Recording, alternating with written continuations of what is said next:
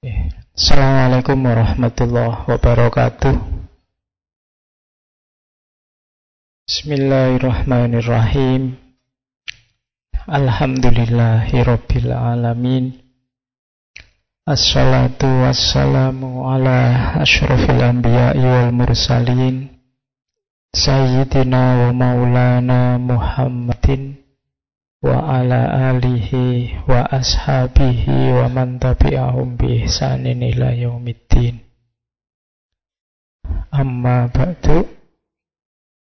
Bismillah. Kita lanjutkan ngaji kita masih di daratan Tiongkok dengan para filosof kunonya Malam ini kita mengambil tokoh yang gagasannya agak beda dengan kemarin. Jadi filsafat Tiongkok klasik itu punya beberapa aliran yang terkenal.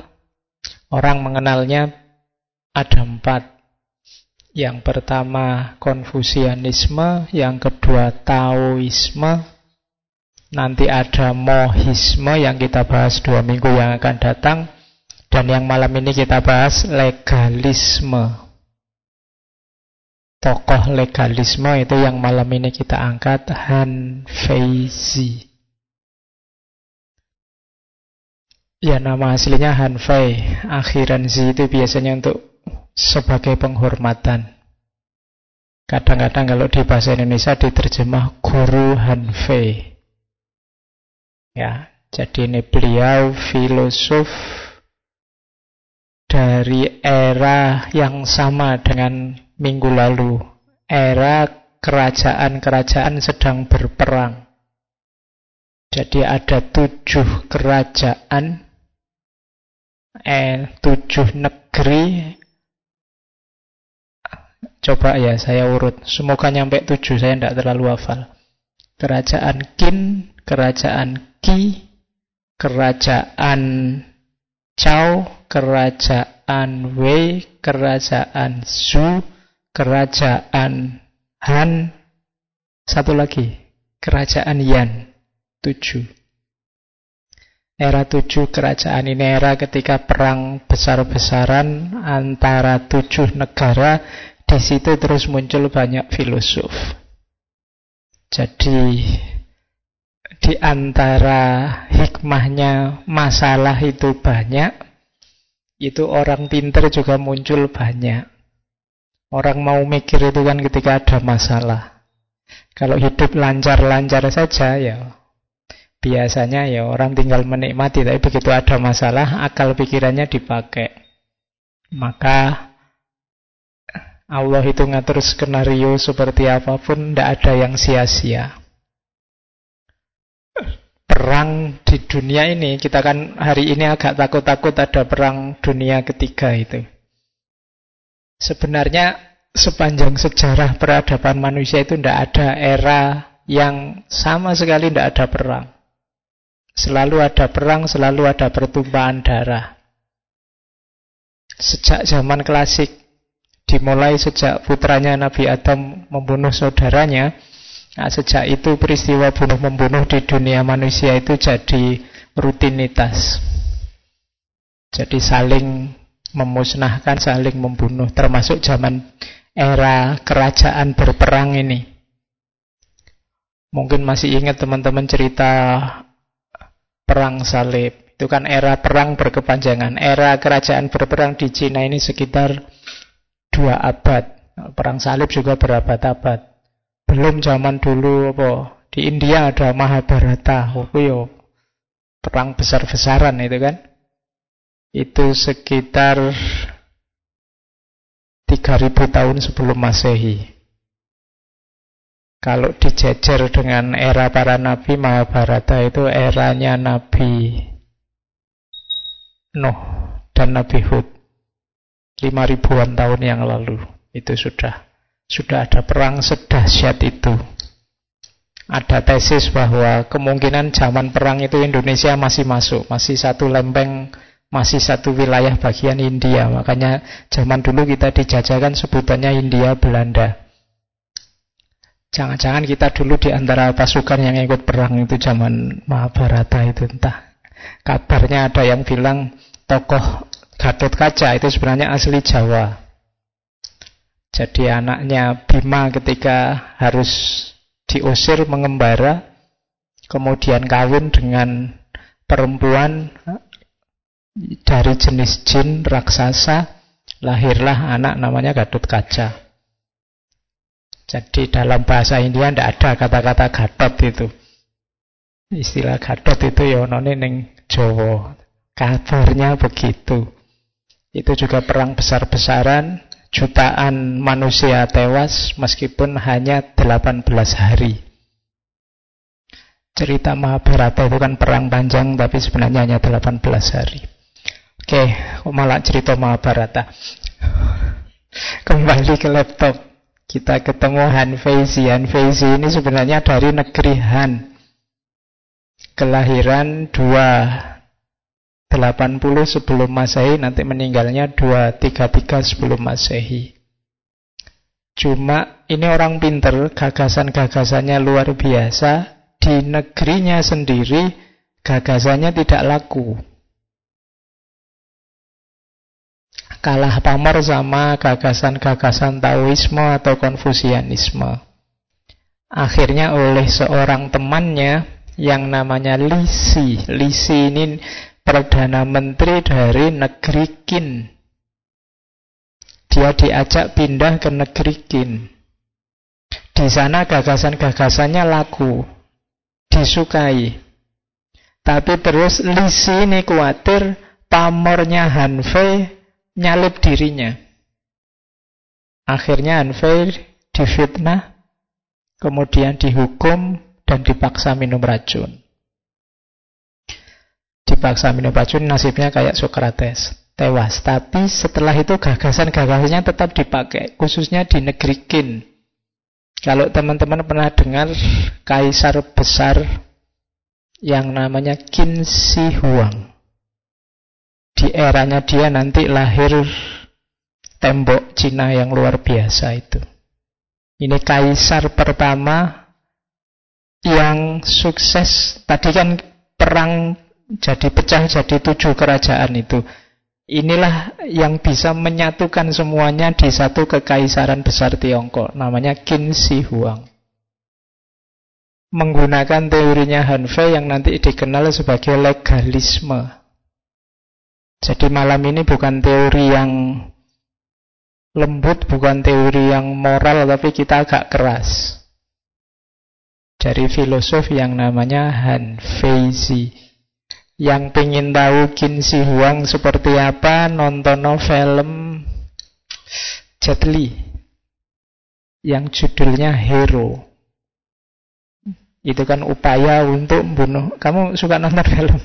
Filmmu apa hari ini? Bobo Boy. nonton film hero atau nontonlah film kalau yang versi Hollywood Jet Li juga main dari The Mummy Return.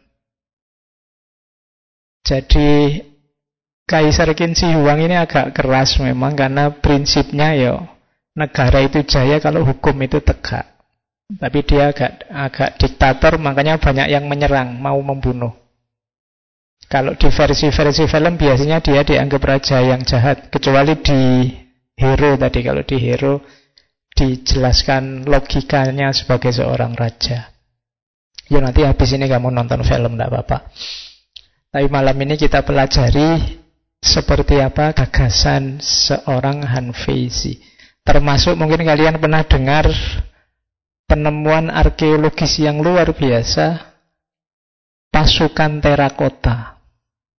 Kalian mungkin pernah dengar ya. Di segi itu kan makamnya Qin Shi Huang itu ada di bawah, kemudian ternyata di situ ada 8000 patung pasukan. Itu dulu dibikin ketika Qin Shi Huang masih berkuasa dengan tujuan nanti patung-patung pasukan ini akan melayani raja di alam akhirat setelah dia meninggal. Jadi yang kalian mungkin pernah lihat anunya jajar-jajar kayak patung-patung banyak sekali itu jumlahnya sekitar 8000 yang mempekerjakan rakyatnya sekitar 700 ribuan orang dengan model kerja paksa. Oke, itu ceritanya Qin Shi Huang. Tapi dia agak keras, makanya dinasti Qin itu tidak terlalu panjang umurnya. Nanti setelah Qin Shi Huang dilanjutkan putranya. Putranya ini hanya raja boneka. Sekitar tiga tahun terus dinasti jatuh. Dikalahkan oleh negeri Han. Setelah itu ganti dinasti Han. Setelah dinasti Han nanti baru lahir era namanya era tiga kerajaan yang dikenal sebagai kita kenalnya cerita Samkok.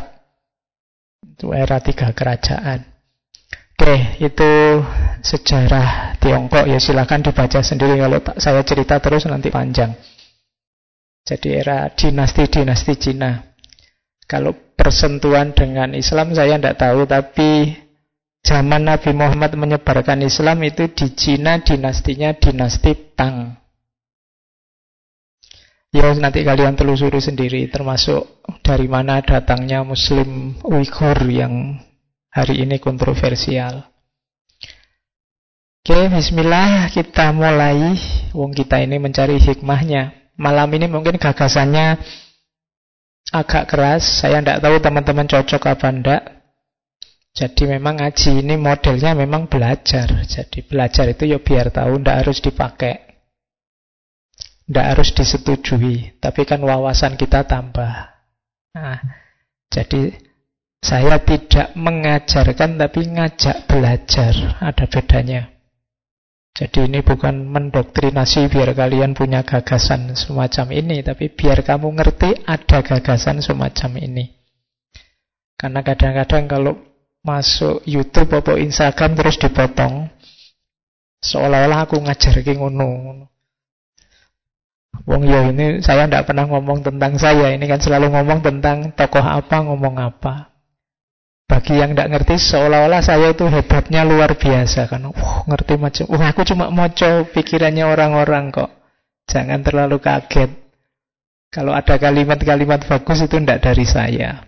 Kalau ada pikiran-pikiran luar biasa tetap tidak dari saya. Wong saya cuma menyampaikan gagasan-gagasan yang saya tahu.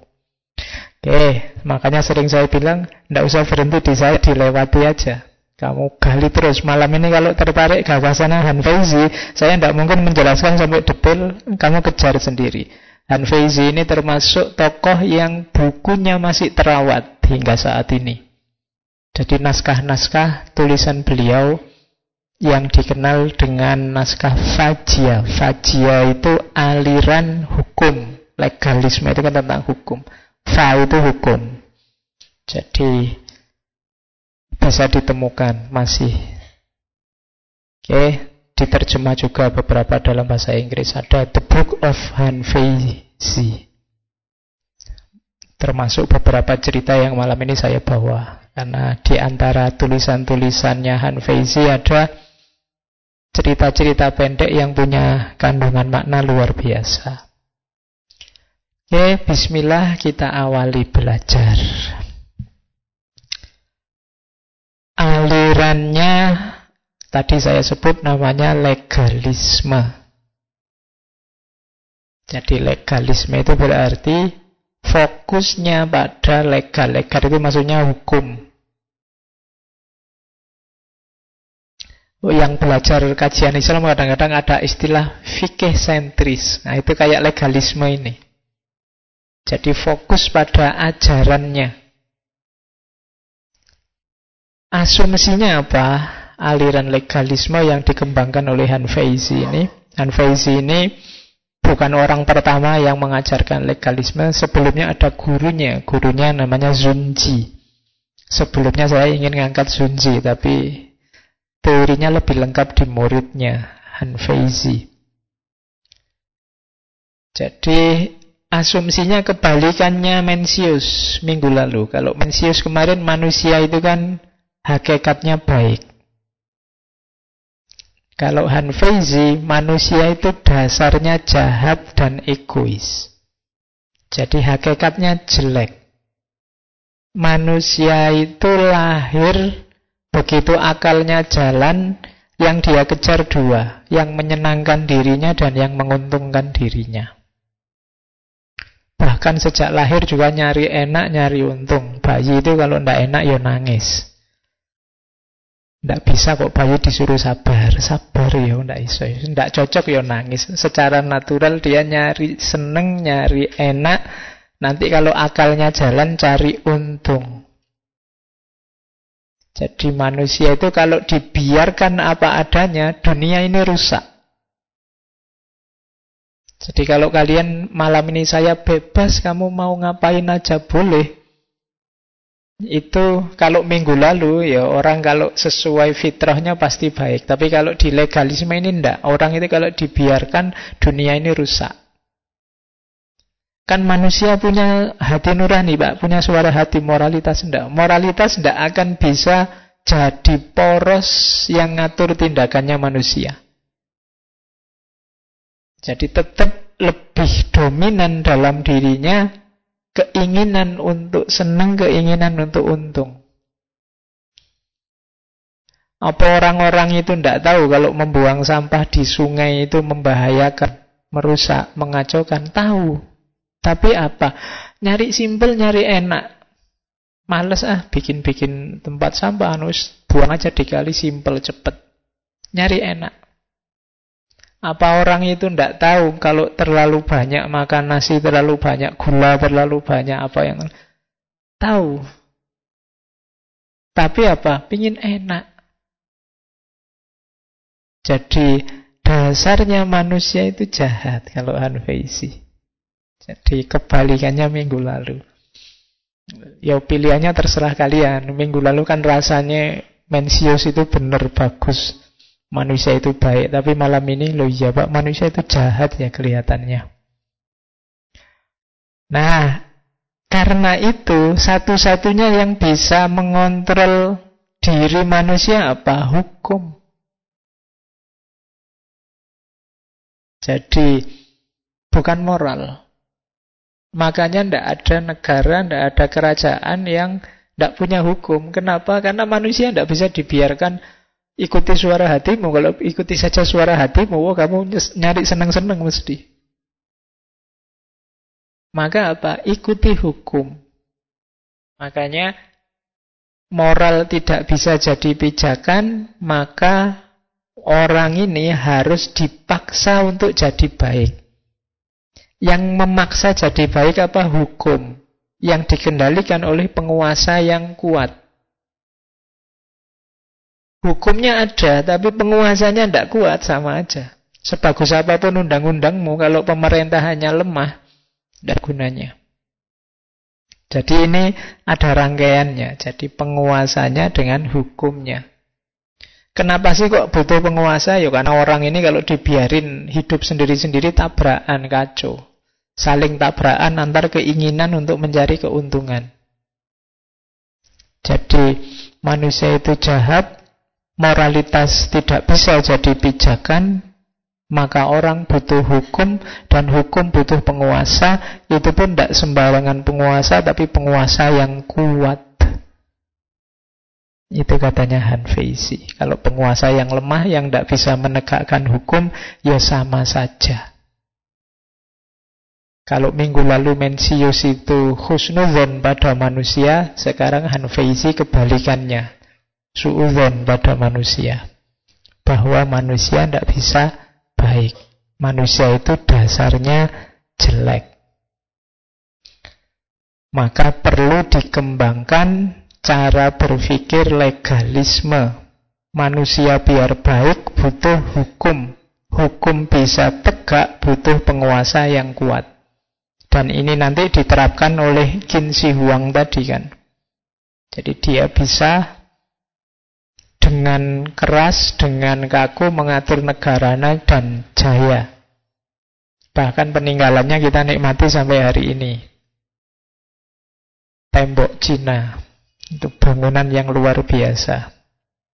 Nah, kenapa harus legalisme? Tujuannya apa? Stabilitas dan ketertiban. Caranya gimana? Metodenya penguasa harus menerapkan hukum secara tegas. Yang menjalankan dapat hadiah, yang melanggar dapat hukuman. Ini harus tegas. Ada hukum bagus tapi penguasanya tidak tegas, orang akan putus asa dengan hukum. Maka butuh penguasa yang tegas, butuh aturan yang jelas yang ditegakkan. Makanya di Hanfaizi legalisme itu unsurnya tiga. Yang pertama si, yang kedua su, yang ketiga fa. Si itu otoritas, su itu metode atau seni memerintah, fa itu hukum. Jadi yang pertama harus ada si, penguasa yang kuat, yang punya otoritas. Jadi yang dipatuhi, yang disegani, yang punya wibawa, yang punya karisma, yang punya kuasa. Butuh ini. Kalau pemerintahnya tidak disegani, pemerintahnya tidak punya wibawa, tidak dianggap punya otoritas, tidak ada gunanya hukum. Maka yang pertama harus ada si. Maka pilihlah pemimpin yang punya si. Punya otoritas, punya kekuatan, punya daya. Yang membuat orang patuh. Yang kedua su. Tidak cuma punya otoritas, tapi dia juga harus cerdas, mampu mengelola pemerintahan. Punya strategi-strategi untuk menerapkan hukum, itu namanya su. Jadi, ada penguasanya yang dia punya otoritas, yang kedua dia menguasai seni pemerintahan. Itu namanya su. Jadi penguasanya bagus, tapi kemampuan su-nya jelek. Itu nanti rumit juga. Karena tidak akan jalan penegakan hukumnya. Kalau bahasa hari ini si itu mungkin dekat ke leader, kalau su itu dekat ke manager.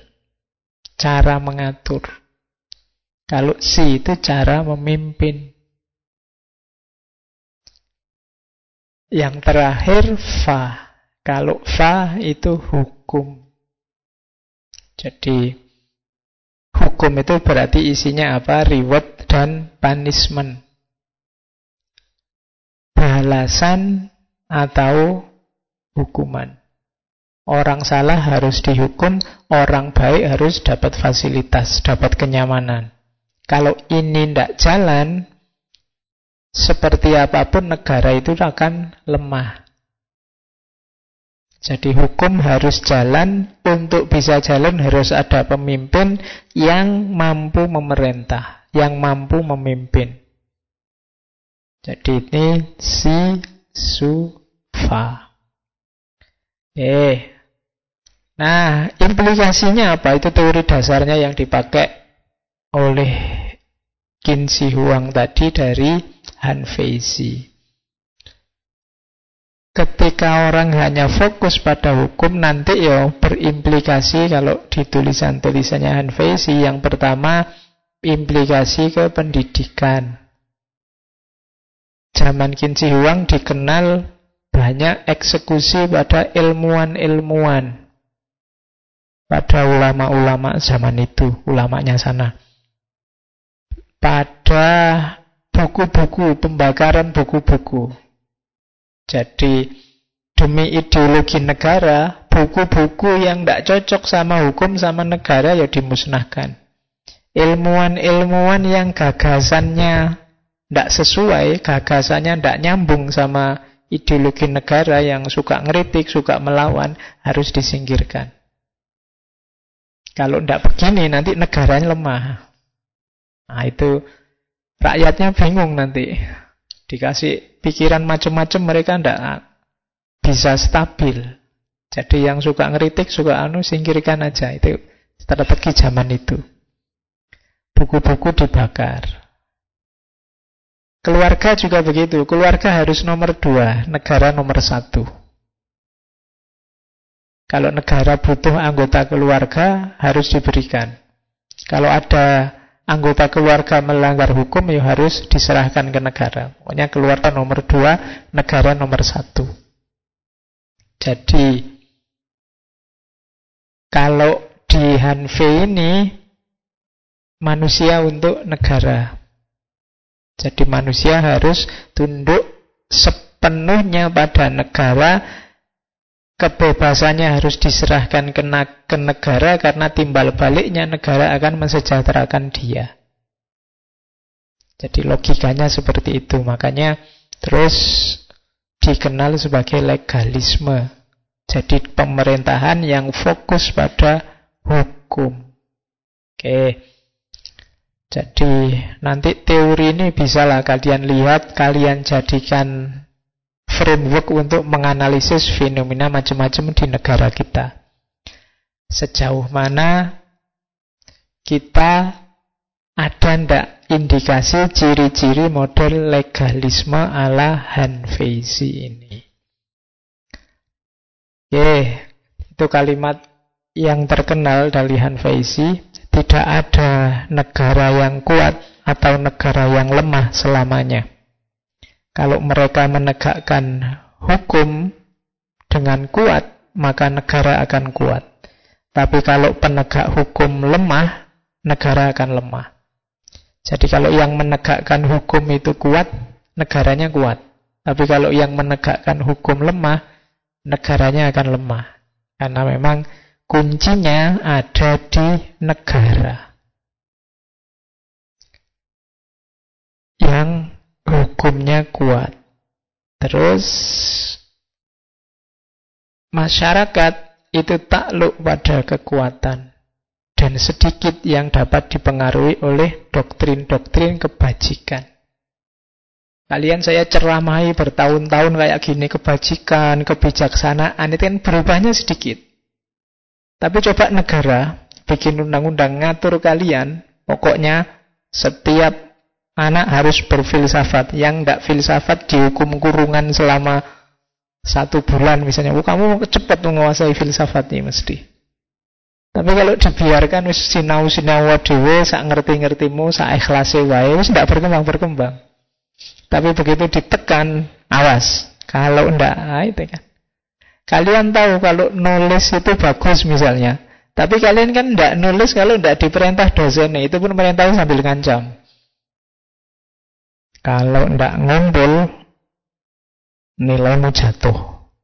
40% tulisan ini. Kamu kan baru bergerak. Jadi begitu ada pressure, ada aturan, ada undang, kamu baru gerak. Kalau cuma dinasehati, mbok kamu itu nulis. Nulis itu penting loh untuk meningkatkan kualitas dirimu. Tidak nulis mesti yakin. Tapi kalau dipaksa, baru jalan. Jadi katanya Hanfeizi tidak. Manusia itu kalau cuma ceramah, dikasih doktrin-doktrin, tidak akan jalan. Jadi tunduknya apa? Pada kekuatan, pada power, pada kekuasaan. Kalau disuruh ikhlas, pokoknya seenaknya sajalah, sesukanya sajalah, ya mesti ndak. Nunggu kamu sadar, itu bisa sampai kiamat ndak jalan-jalan. Pokoknya kudu no pressure sidik-sidik. Nah, itu yang ada di pikirannya Hanfeizi. Jadi ini orang kalau dibiarkan saja, ya negara bisa jatuh beneran ini. Maka perlu ada penguasa yang kuat. Ya meskipun kalau Qin Shi Huang tadi agak kebablasan jadi diktator. Jadi kuncinya pengelolaan negara ada di sini. Jadi butuh undang-undang yang kuat, hukum yang kuat. Cuma hukum yang kuat ini tidak akan ada artinya kalau penegak hukumnya tidak kuat. Penguasanya tidak kuat. Jadi Kuncinya dua tadi kan, tiga tadi. Si, su, sama fa. Itulah kunci kejayaan satu negara. Oke, ada the way of ruler. The way of ruler itu jalan penguasa. Ini pelajaran buat kalian. Kalian semua kan nanti akan jadi penguasa. Ini bedanya pemimpin dengan yang dipimpin. Katanya Hanfezi, seorang penguasa tidak boleh menampakkan hasratnya. Karena para menterinya hanya akan pura-pura untuk menyenangkannya saja. Jadi penguasa itu tidak boleh terlalu vulgar. Aku itu sebenarnya pengen kawin lagi ya, misalnya. Loh itu nanti para orang-orang sekelilingmu yang menjilat kamu akan oh berarti ini senengannya ini. Oh itu kesukanya ini. Dia akan menjilatmu dengan itu. Maka penguasa harus pinter-pinter. Tidak menampakkan hasratnya ia tidak boleh menampakkan keinginannya karena para menterinya akan menunjukkan wajah yang berbeda kenapa bisa ABS dulu kan dikenal asal bapak senang Sing penting senang pimpinannya. Yang dilaporkan yang menyenangkan saja. Karena mereka tahu betul apa yang menyenangkan pemimpin ini. Karena pemimpin itu sendiri terang-terangan menunjukkan hasratnya yang menyenangkan dia. Maka jangan terlalu vulgar. Pemimpin itu yo harus pinter-pinter ngerem. Maka buanglah suka dan tidak suka. Jadi pemimpin rodo ekspresinya harus agak datar-datar gimana gitu biar nggak kelihatan biar orang nggak mudah nebak ah mesti karuping ini karena nanti kalau sudah ditebak para penjilatnya akan mudah menjilat buanglah suka dan tidak suka para menteri akan menampakkan wajah asli mereka sisihkan sebentar kebijaksanaan dan para menteri akan berhati-hati dengan langkah mereka Ya di sekeliling raja orang pinter banyak. Rajanya sendiri pinter. Tapi rajanya jangan ngumbar kebijaksanaan. Karena kalau dia ngumbar kebijaksanaan, yang bawahnya tidak mikir nanti. Kayak didikte. Wong itu orang pinter semua, biarkan optimal keluar semua kemampuan mereka. Nah, itu yang disebut sisihkan kebijaksanaan. Karena itu meskipun seorang raja bijaksana, sebaiknya ia tidak menunjukkan arah kebijaksanaannya, namun membuat semua orang tahu posisinya. Jadi, raja yang bagus tidak harus dikte misalnya mahasiswa itu harus bla bla bla bla, tapi membuat mahasiswa itu sadar posisinya dan melakukan yang terbaik dirinya sebagai mahasiswa. Jadi maksudnya itu. Di sekeliling raja ini kan orang potensial berbakat semua. Jadi biarkan orang sekelilingnya sadar posisinya. Meskipun ia memiliki orang berharga, ia tidak menampakkan kebaikannya, namun ia mencermati motif dari para menterinya. Maksudnya apa? Menteri-menterinya itu orang pintar, orang berbakat semua. Nah, tidak menampakkan kebaikan itu tidak Wah kamu bagus, kamu luar biasa, kamu top, kamu sukses. Ada yang dipuji, ada yang Wow kalau menteri saya ini, ahlinya ini Dan seterusnya, enggak Jadi raja itu cenderung menunggu, melihat, mencari. Jadi tidak banyak ngomong. Harusnya kalau pakai teorinya Hanfeisi, the way of ruler. Meskipun berani, ia tidak menunjukkan keberaniannya untuk menunjukkan kemarahan, namun ia membiarkan bawahannya menunjukkan keberanian sepenuhnya. Jadi ya misalnya rawuran apa perang nurotjonya paling belakang meskipun mungkin dia paling sakti. Biar apa? Anak buahnya ini optimal mengeluarkan kemampuannya. Kalau sedikit-sedikit rajanya turun, buat apa punya anak buah yang hebat-hebat, sakti-sakti? Nanti mereka manja. Kemampuannya tidak keluar secara optimal. Itu the way of the ruler. Oleh karena itu, raja yang semacam ini, meskipun kelihatannya menyingkirkan kebijaksanaan, kelihatannya tidak bijaksana, tapi pemerintahnya sukses. Meskipun kelihatan ia menyingkirkan orang yang berharga, tidak banyak muji, pelit penghargaan, tapi dia dapat pujian. Meskipun kelihatannya bukan orang yang gagah, kelihatan pemberani, tapi negaranya kuat. Kenapa? Dia bisa mengoptimalkan orang-orang sekelilingnya. Itu namanya the way of ruler. Jadi tidak over. Jadi tidak suka pamer tentang kesuksesannya, keinginannya, dan macam-macam. Biar orang tidak mudah cari muka di depan dia, dia bisa membuat orang sekelilingnya kemampuannya optimal keluar semua. Jadi bukan orang yang paling sakti, tapi bisa melahirkan banyak orang sakti. Bukan orang yang paling pinter, tapi membuat orang-orang pinter bisa optimal berpikirnya. Itu the way of the ruler. Jalan seorang pemimpin. Inilah jalan pemimpin yang tercerahkan. Ia membuat orang bijaksana melahirkan semua gagasannya. Dan selanjutnya ia yang memutuskan urusannya, sehingga kebijaksanaannya tidak pernah habis. Ia yang membuat orang berharga menunjukkan bakat mereka. Selanjutnya ia yang mempekerjakan mereka, sehingga ia selalu memiliki orang yang berbakat. Saat ada keberhasilan, penguasa yang mendapat nilainya. Saat ada kesalahan, para menteri yang bertanggung jawab dicela. Jadi, kuncinya di sini. Kenapa tadi tidak terlalu banyak turun tangan? Tenang aja, kalau sukses, tetap akan dianggap suksesnya seorang raja. Tapi begitu gagal, kegagalan itu akan ditimpakan pada menterinya tadi. Wong tadi rajanya kan cuma mancing biar kemampuannya keluar. Kok dilalah menterinya gagal? Kan orang um, menterinya memang kurang ajar. Tapi begitu sukses tetap kena rajanya. Itu pintere seorang pemimpin the way of the ruler kuncinya di situ. Sehingga nama penguasa tidak pernah jelek.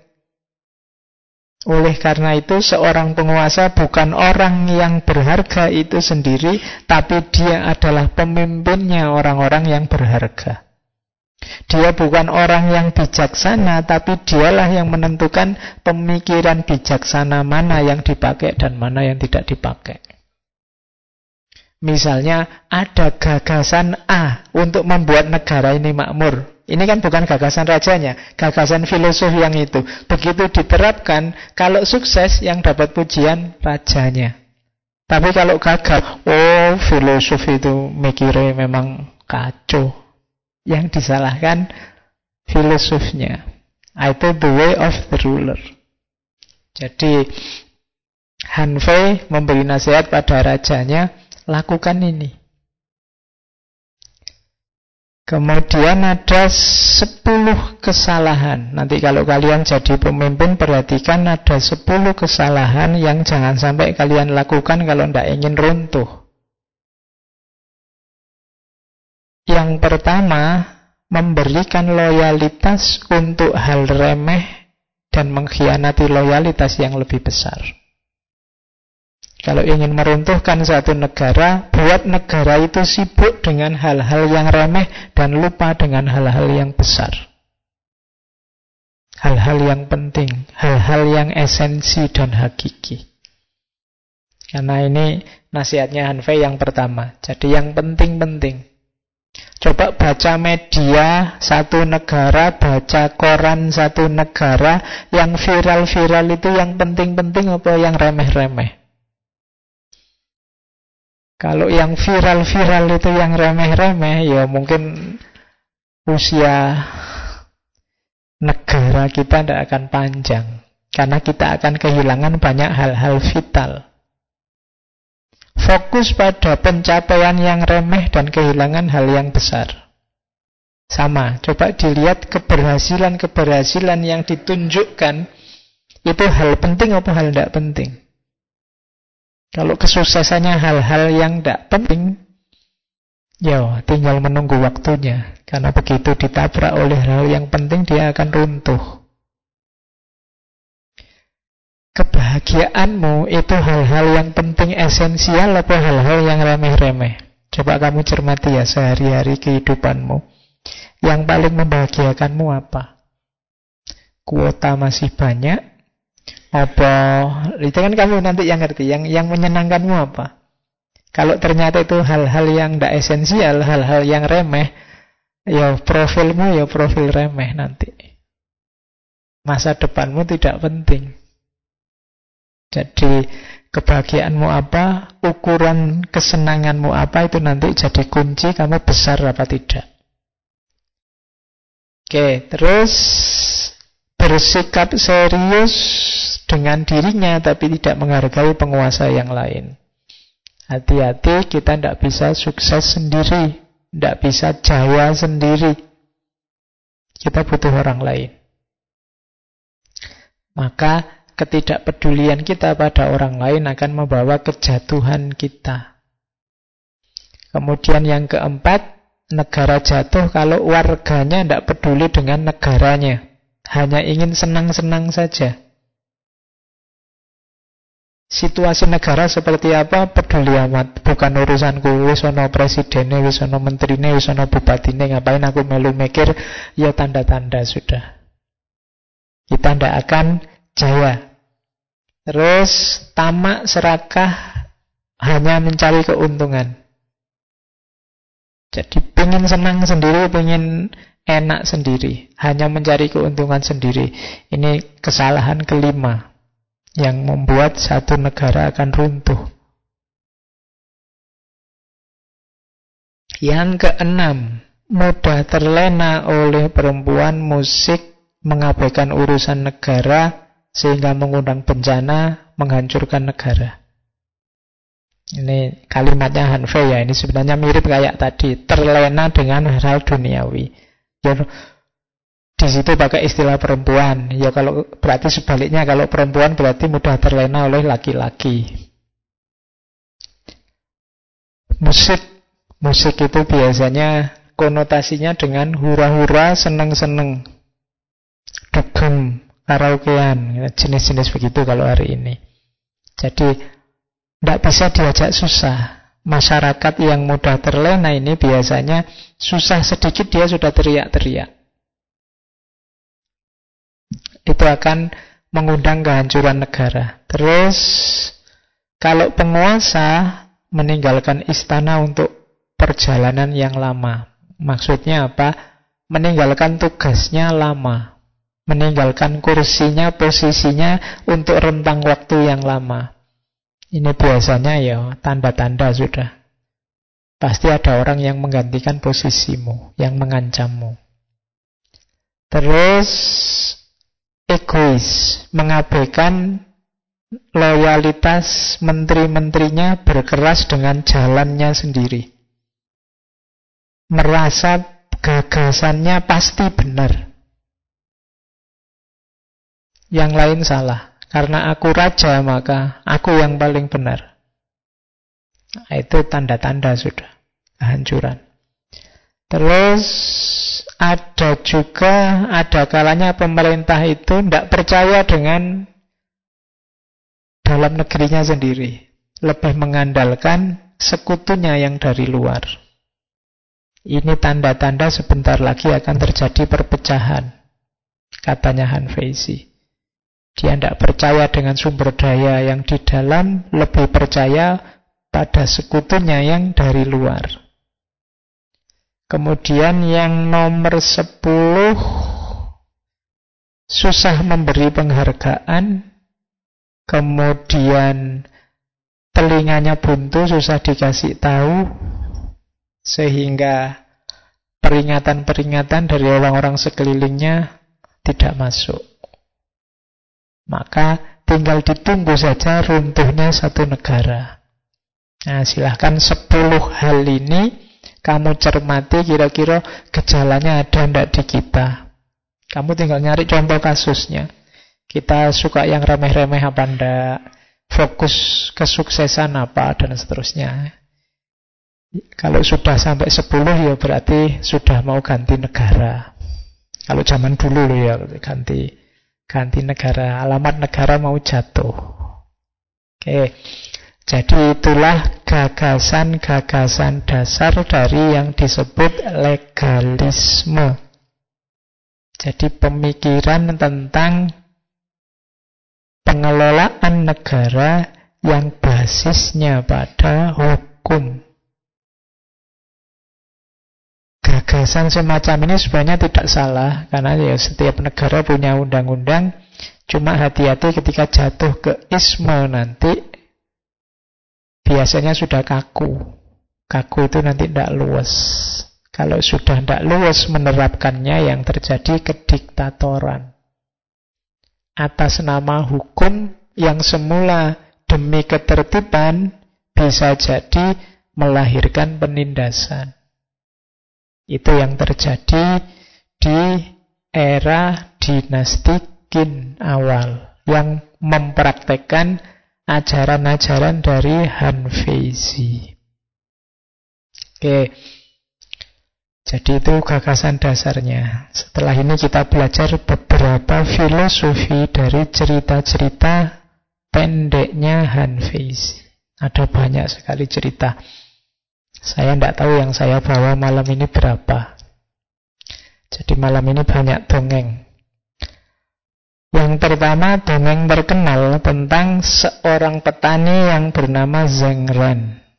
Ceritanya judulnya Zengren membeli sepatu. Ini dongeng, kalian santai aja boleh sambil tidur. Tapi di balik setiap cerita ada maknanya yang luar biasa.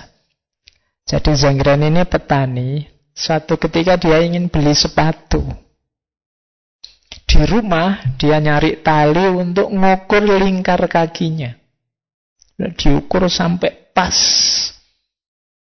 Kemudian dia berangkat ke pasar, nyari sepatu yang cocok. Begitu dapat model sepatu yang cocok, dia mau ngambil ukuran yang sudah dia bikin, tidak ada. Loh, ukurannya tadi yang tak bikin mana? Ternyata ukurannya ketinggalan di rumah. Akhirnya bilang sama yang jualan, Mas tolong, saya pesen sepatu yang semacam ini. Cuma saya lupa ukurannya berapa. Ukurannya ketinggalan di rumah. Terus ditanya sama yang jual. Sampean beli sepatu untuk siapa? Ya untuk saya. Mbok ya sudah langsung aja dicoba pakai kaki yang sekarang dibawa itu. Enggak. Pokoknya yang benar itu yang ukuran. Saya sudah ngukur kok itu di rumah sudah pas pokoknya ukurannya. Jadi saya butuh ukurannya. Jadi saya pulang dulu mau ngambil ukuran. Padahal itu ya tinggal dia coba sekarang kan jadi. Tapi dia bela-belain pulang untuk mengambil ukuran. Itu ceritanya lucu, tapi bayangkan kita sering seperti ini.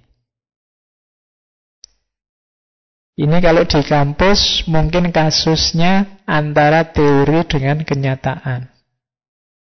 Teorinya apa, situasinya apa. Kadang-kadang teori sama situasi ini tidak nyambung. Tapi kita paksakan, pokoknya teorinya ya begini. Nah, itu di kampus-kampus sering terjadi. Mungkin dalam hidup sehari-hari orang-orang idealis itu kan semacam ini. Meskipun idealismenya itu jelas tidak nyambung, tidak cocok, tapi tidak. Pokoknya kalau sudah begini ya harus begini. Padahal kalau dia agak jeli dibaca situasi saat itu kan bisa. Oh, teorinya saya bilangnya begini, tapi hari ini kan situasinya sudah berubah. Tidak harus pelek persis seperti teori. Cocokkan saja dengan yang sekarang berjalan. Nah, kita sering kayak Zengren yang beli sepatu tadi. Padahal tinggal kamu ukur saja kan bisa pas. Tapi kamu bela-bela enggak. Pokoknya harus ukuran ini. Nah, jadi ini cerita nasihat yang pertama dari Hanfo bahwa teori ya teori. Teori itu dirumuskan dari kenyataan. Jangan dibalik. Kenyataan kita setir dengan teori. Dalam banyak hal kita sering nyetir kenyataan dengan teori. Meskipun tidak nyambung. Oke. Kadang-kadang kita jadi korban persepsi kita sendiri, ideologi kita sendiri. Nah, itu sama kasusnya. Dengan ceritanya Zengren ini. Oke, cerita pertama. Cerita kedua.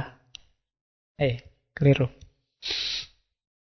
Kalau ini cerita tentang kontradiksi perkataan yang saling bertentangan. Dalam hidup kita juga sering mengalami dan merasakan ini.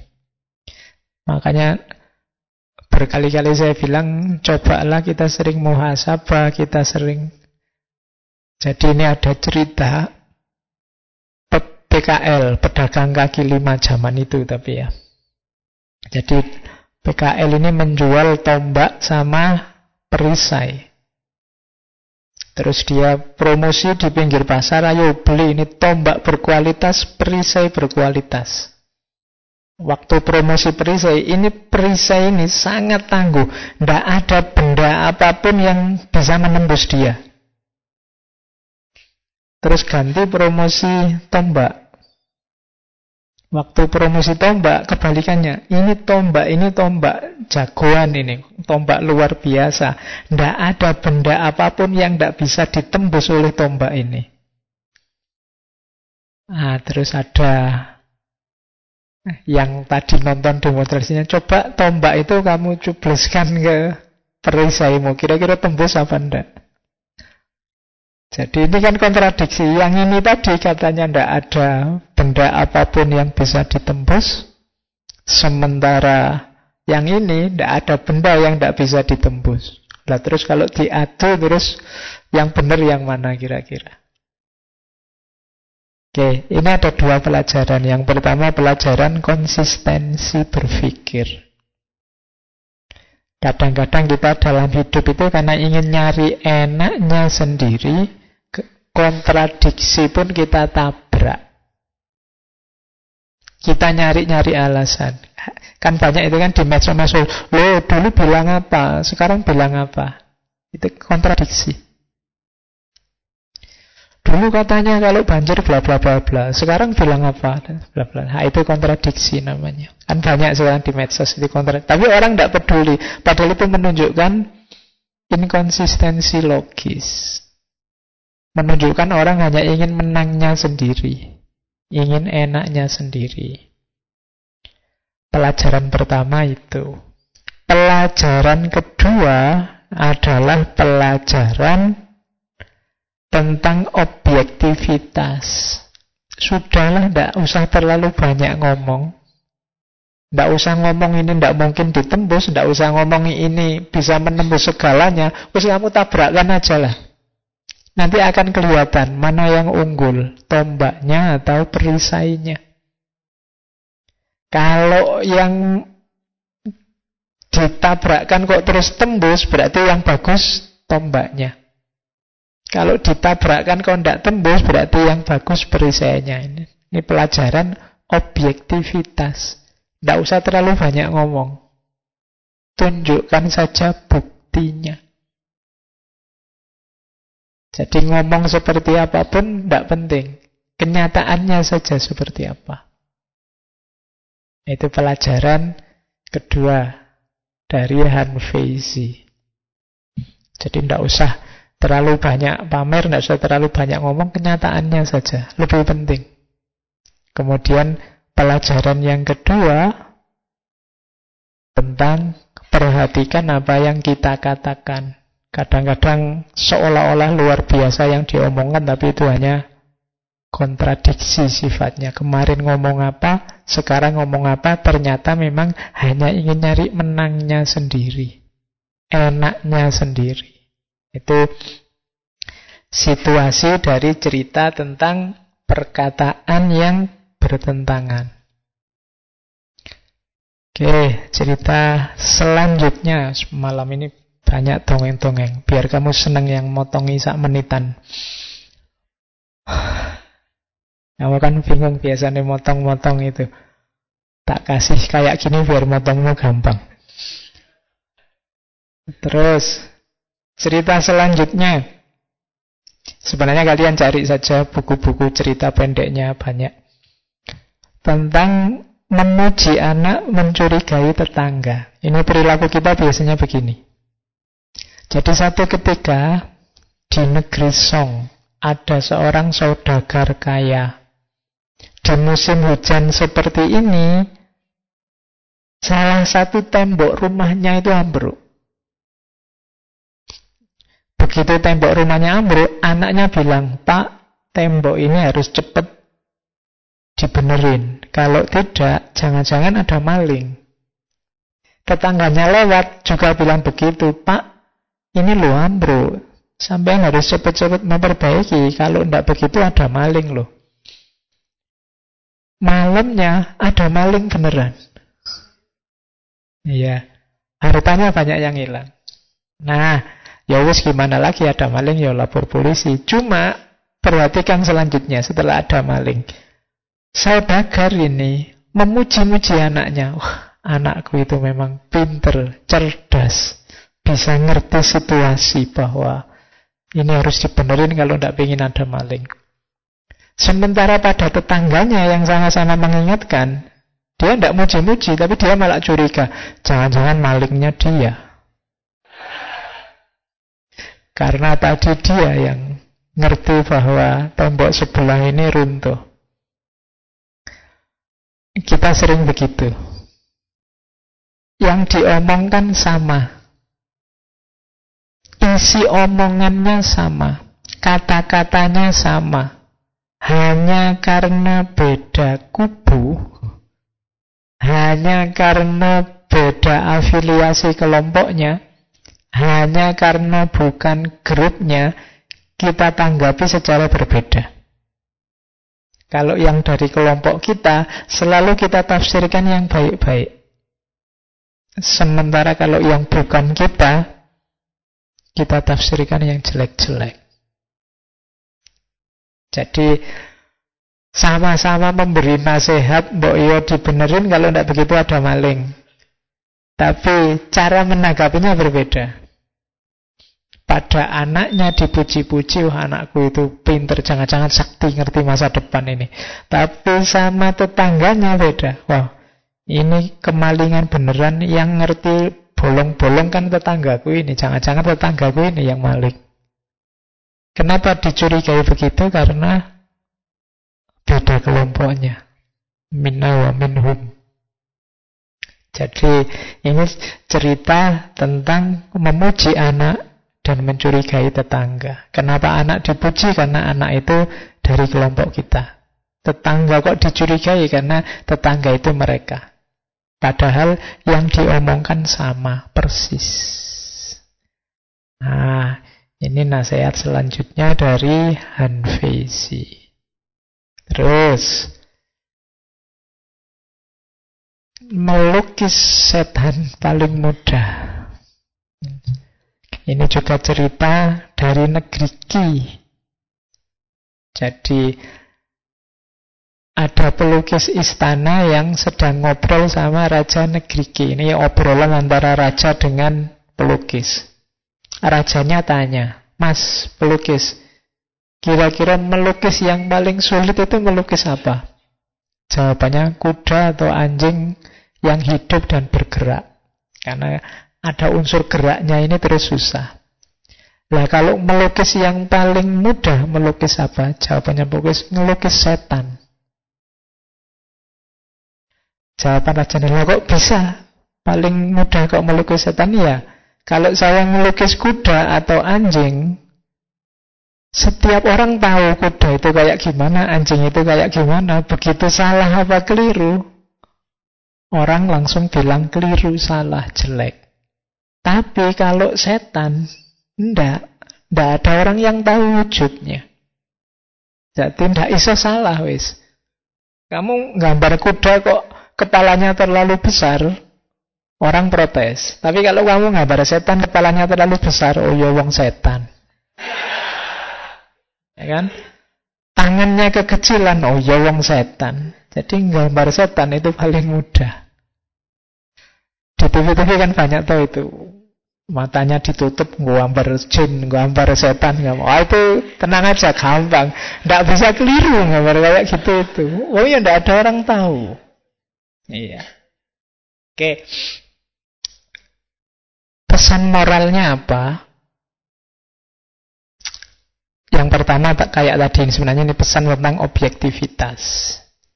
Kita tidak bisa komentar tentang sesuatu yang kita tidak tahu. Pinter-pinterlah membedakan mana pemahaman, mana ngarang. Banyak orang ngomong tentang sesuatu yang tidak dia tahu itu sama seperti orang ngelukis setan. Jadi tidak jelas. Wong tidak ada orang tahu, yang tidak ada salahnya. Orang juga tidak tahu salahnya di mana. Isinya hanya spekulasi-spekulasi. Makanya mengkritik orang ngomong tentang hal-hal yang abstrak, hal-hal yang metafisik, itu susah. Kenapa tidak ada yang tahu aslinya gimana? Kamu mau mengkritik besok itu di akhirat kita akan ketemu dengan sekian ribu bidadari misalnya. Lo itu bantah ya susah, mau dibantah gimana? Tidak dibantah gimana? Kenapa tidak ada yang tahu? barang metafisik. Jadi hal-hal yang tidak ada pijakan objektifnya yang tidak bisa diputuskan benar salahnya. Jadi makanya kalau ada yang Pak saya sulit Pak belajar filsafat yang bagian metafisika itu. Oh metafisik kok susah, tidak ada yang tahu aslinya. Wis kuwarangan mesti benar. Filosof-filosof itu kan pikirannya macam-macam ngomong apa saja. Ya memang tidak ada kenyataan objektifnya. Dia bisa ngomong alur, nggak bisa ngomong itu, tidak ada yang bisa menyalahkan.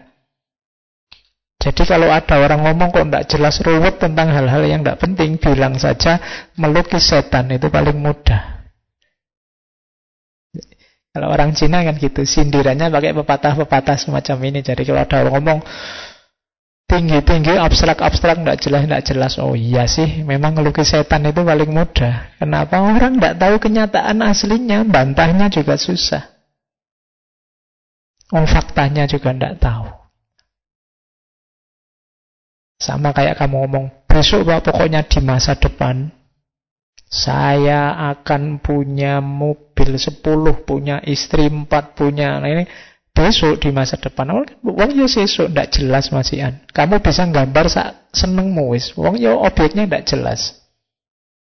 Jadi melukis setan itu paling mudah. Pelajaran tentang objektivitas. Kalau ngomong perhatikan kalau ada orang ngomong kadang-kadang kamu terpesona dengan omongannya. Coba perhatikan jangan-jangan dia sedang melukis setan.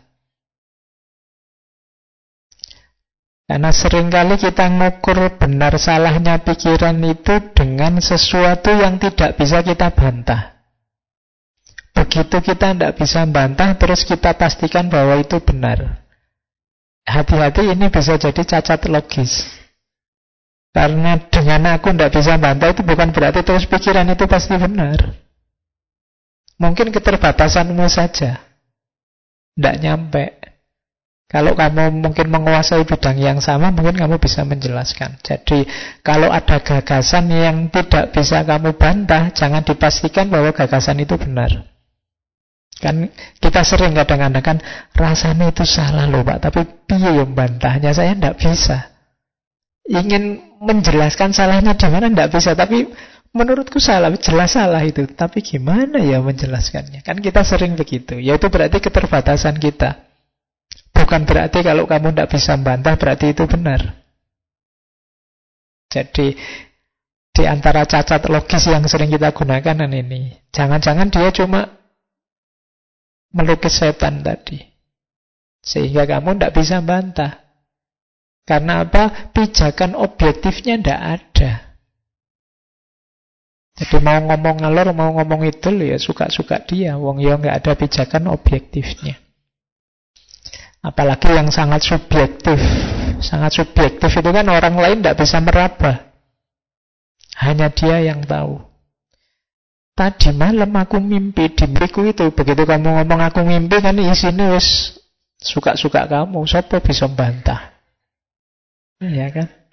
Aku mimpi ketemu kamu loh. Padahal kamu iyalah wis bantai piye wis susah. Wong itu mimpimu. Masa aku mau bilang tidak loh, yang mimpi siapa? Kok kamu ngatur-ngatur mimpiku? Kan ngono. Jadi obrolan-obrolan kita sering-sering semacam ini. Melukis setan paling mudah. Kalau ngomong yang tidak jelas abstrak itu gampang. Oke. Terus Pelajaran selanjutnya, kalau ini lebih mudah dipahami. Mata tak melihat bulu mata. Jadi ini zaman Raja Chu Zhuangwang dari negeri Chu. Dia ingin mencaplok wilayah negara tetangganya karena dilihatnya negara tetangga itu sedang kacau. Terus penasihat politiknya bilang, keinginan yang mulia tidak sepenuhnya benar. Ya benar negeri Yue sekarang sedang kacau balau, namun negeri Chu kita juga tidak bagus. Kecerdasan seseorang itu seperti bola mata. Ia mungkin memiliki pemikiran mendalam dan jauh ke depan, namun kadang tidak memikirkan ancaman yang dekat. Seperti mata yang memandang jelas benda jauh, tapi bola mata, bulu mata sendiri tidak terlihat. Kamu tidak bisa kan melihat bulu matamu, kamu buat sampai melek-melek ya raiso. Padahal dia sangat dekat. Tapi bulu mata temanmu yang agak jauh masih terlihat. Jadi ini raja ini mau menyerang negeri sebelah. Ini mumpung negeri sebelah kacau ini. Diserang aja. Loh, sebentar. Negeri sebelah kacau ya wong kita lihat, tapi apa negeri kita ini tidak kacau? Kalau negeri kita ini kacau kan bunuh diri kita, bodoh-bodoh kacau nih. Kenapa kok tidak melihat diri kita juga lemah? Karena orang itu memang punya kecenderungan bulu matanya sendiri tidak terlihat. Mencari kesalahan orang lain itu enak, gampang. Tapi introspeksi muhasabah, menemukan kesalahan sendiri itu susah. Manusia punya kecenderungan mencari justifikasi terhadap salah yang dia lakukan. Kamu yang muda-muda begitu salah, yo maklum lah pak anak muda masih nah, yang kecil waktu kamu kecil dulu punya alasan gitu juga masih kecil pak masih belum ngerti apa-apa. Nanti begitu tua wah Wong tua kayak lupute. Orang tua memang kadang-kadang seling salah sudah tua. Lalu ndak salah terus kapan? Waktu muda alasan, sudah tua alasan, masih kecil alasan. Susah melihat bulu mata sendiri. Orang ngertinya selalu salahnya orang lain. Menunjuk dirinya sendiri susah karena memang bulu mata tak terlihat. Yang terlihat itu butuh jarak yang agak jauh bulu mata kan nempel di sini. Jadi kesalahan yang nempel dalam diri kita itu biasanya sangat samar, tidak terlihat. Rata-rata kita, saya tidak tahu di antara teman-teman yang hadir malam ini kelihatannya rata-rata mungkin 90% lebih merasa kebaikannya lebih banyak daripada kejelekannya. Mungkin hampir semua merasa aku ini orang baik loh, mungkin begitu. Padahal kalau ditimbang ya saya tidak jamin juga. Karena ya kok salahmu ya oke. Oke. Kemarin ada mahasiswa itu Pak, saya itu jujur, sholat saya masih bolong-bolong. Oh. Lu Alhamdulillah kamu sudah sadar. Yang lain ada yang sholatnya tidak bolong-bolong, memang tidak pernah sholat. Iya. Jadi bulu mata sendiri tidak terlihat. Selalu sisi salahnya orang lain yang kamu lihat. Kalau ada orang soleh, kamu ah, soleh hanya tampilannya, tidak mesti batinnya jelek. Batinnya mesti, kan kamu terus lihatnya gitu. Kalau ada orang jahat, oh itu orang memang jahat, oh rusak kok. Kok kamu tidak nyari batinnya? Kenapa kamu nyari salahnya dia? Jadi bulu mata tak terlihat. Oke, kalau ini tentang pendidikan. Ini buat kalian. Ini ada filosof namanya Zhengzi, muridnya Confucius. Jadi satu ketika Zhengzi ini melihat anaknya nangis, minta ikut ibunya ke pasar. Terus sama ibunya dibujuk, Dalam tidak usah ikut ya, nanti tak beliin kesukaanmu. Ya karena kasusnya di Tiongkok ya, kesukaannya babi panggang. Ganti aja nanti jadi ayam panggang. Nah, pulang dari pasar, Zengzi langsung sudah siap mau nyembelih babi lagi. Istrinya terus bilang, lo ngapain pak kok tidak mau nyembelih babi?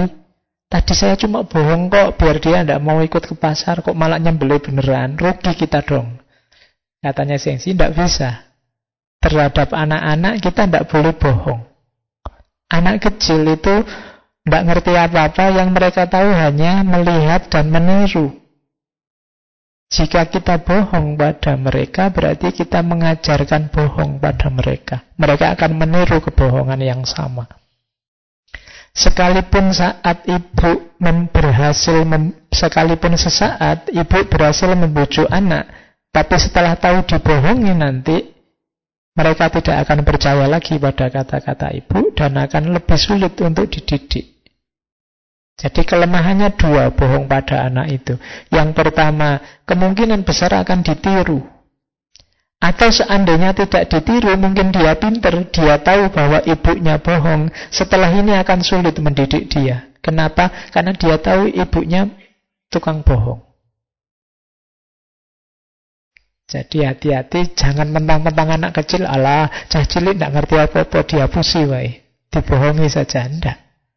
Secara mental bahayanya double. Kalau dia mungkin IQ-nya tidak terlalu tinggi, bisanya cuma manut saja, dia akan manut untuk bohong.